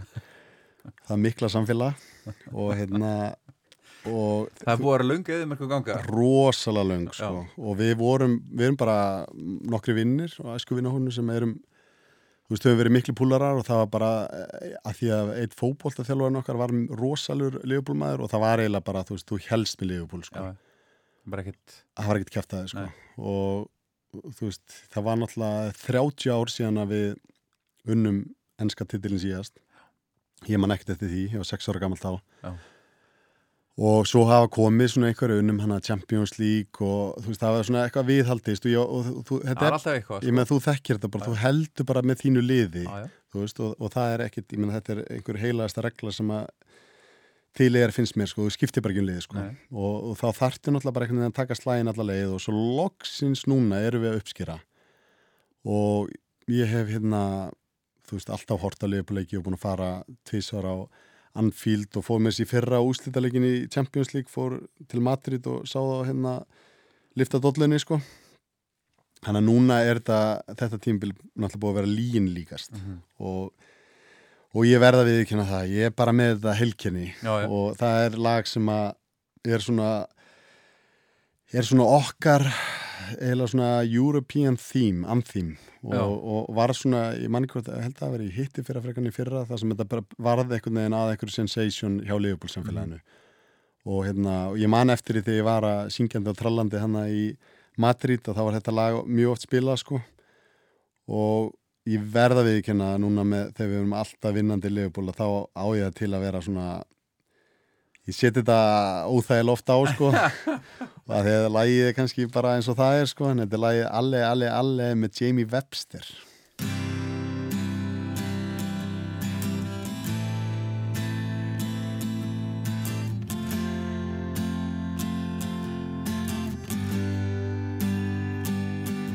conquered all of Europe. We're never gonna stop. From Paris down to Turkey, we've won the fucking lot.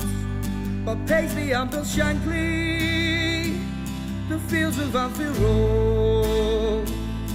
We are all supporters, and we come from Liverpool. Ale, ale, ale.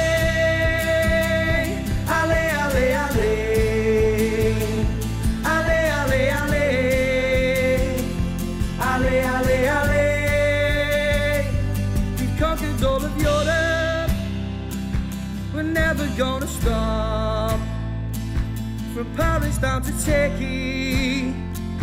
We've won the fucking lot. But Paisley and Bill Shankly the fields of Anfield Road. We are loyal supporters, and we come from Liverpool. Ale, ale. Ale,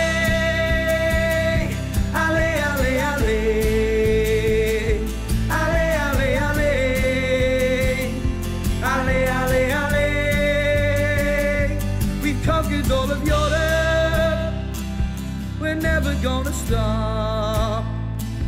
From Paris down to Turkey, we've won the fucking lot. But Paisley Bill Shankly, the fields of Anfield Road. We are all supporters, and we come from Liverpool. Ale, ale. Ale,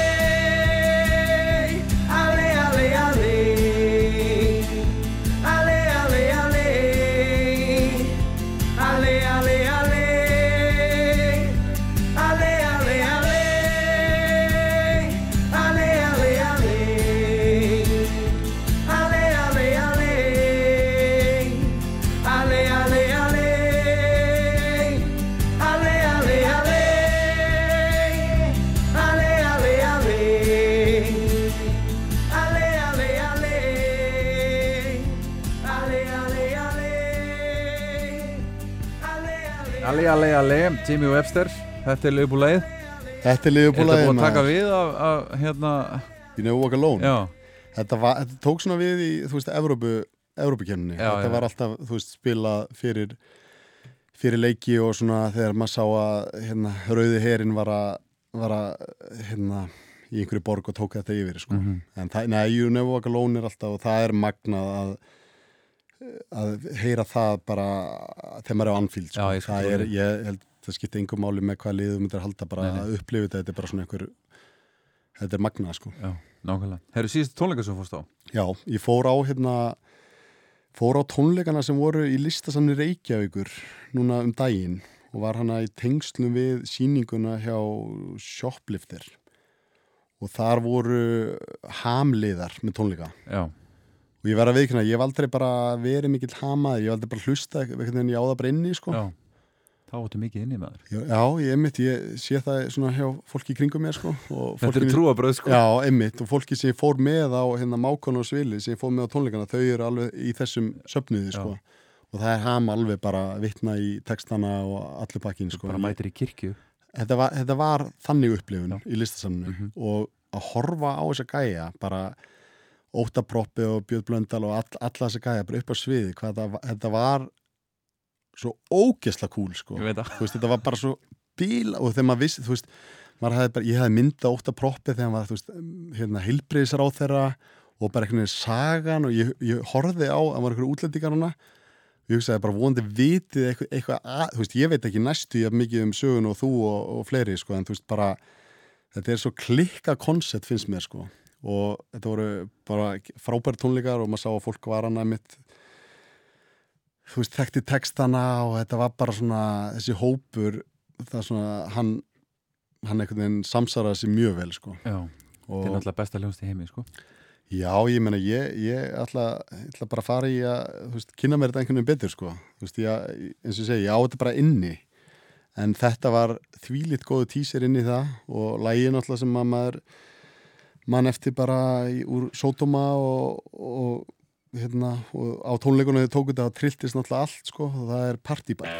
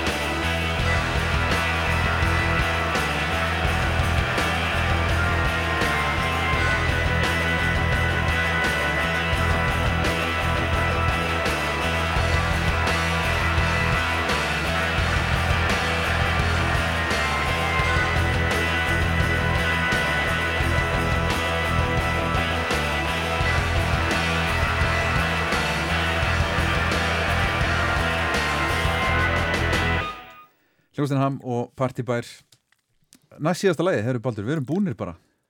Já, rosalegt, Það leið fljótt. Það er komið að jarðaförinni Það er bara, það er alltaf í lokin sko. Já, Þannig að Já, einmitt, ég hérna ég hef alltaf verið svona smá hrifin samt að sko minnst þess að svona ísku jarðafari sem að sér í hérna þegar svona einhver lögga í hérna austuströnd bandaríkjana degir og það er svona aldrei bara að fara á barinn og, og hérna skála og haft gaman sko þú Já. veist, og einhvern veginn svona heiðra minninguna þannig sko Mhm. það, ég væri alveg til í það sko þú veist, það mætti alveg vera bara svona á partí þegar ég er búið með þetta en það er eitt lag sem að ég poppaði strax upp sem er mjög bara svona rólegt og smá væmið og eitthvað en það var það var spilað í sjónvastáttum sem að ég horfði mikið á. Það var hérna Sons of Anarchy. Já. og þetta tengi líka bara þá senu. Ég, ég, veit, ekki hvort maður getur sagt hérna spoiler alert sko en, en eh, einhver er kannski hort á þetta og einhver sem er þetta inni. En þar, það tengist þetta sérst, einu döðsfalli sko. Og þetta lag er svona já, það, er- bara svona útrúlega fallegt einhvern veginn og þú veist, smá væmið náttúrulega en það er maður að tala um jarðaföruna sko. Og þetta er bara, já, svona lag sem einhvern veginn bæði textinn og, og bara nær mér algjörlega sko. Og þetta er lag sem ég hef oft sett á bara fónin þegar ég er í þannig stuði sko. Ekkert endilega eitthvað dán sko. Það er bara einhvern veginn, já, mér finnst þetta bara mjög fallegt lag sem ég var, væri að spurning hvaða söngkona myndi taka þetta sko það er eiginlega að fara svona að plana það setja það í einhvern það er bara einhver sem er ekki fætt núna er það ekki? Jú, vona, vonandi sko. Vonaði besta sko. Þetta myndi sóma sér vel. Nákvæmlega, Baldur, takk hérlega fyrir að vera gestur minn. Forever Young Audrey May. Takk fyrir mig. May God bless and keep you always. May your wishes all come true. May you always do for others and let others do for you.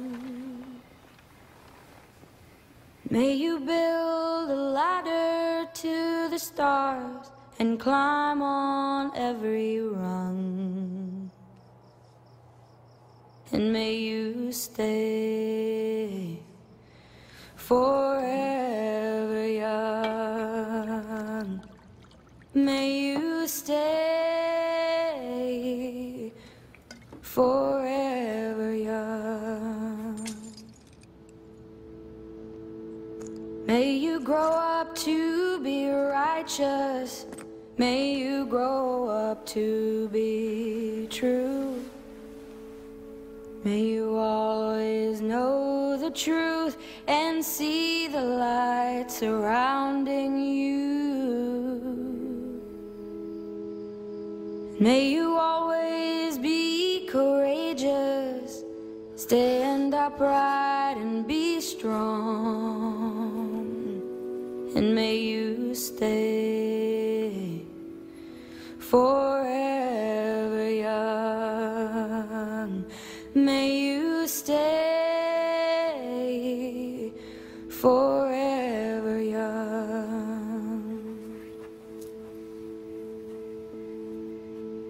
May your hands always be busy.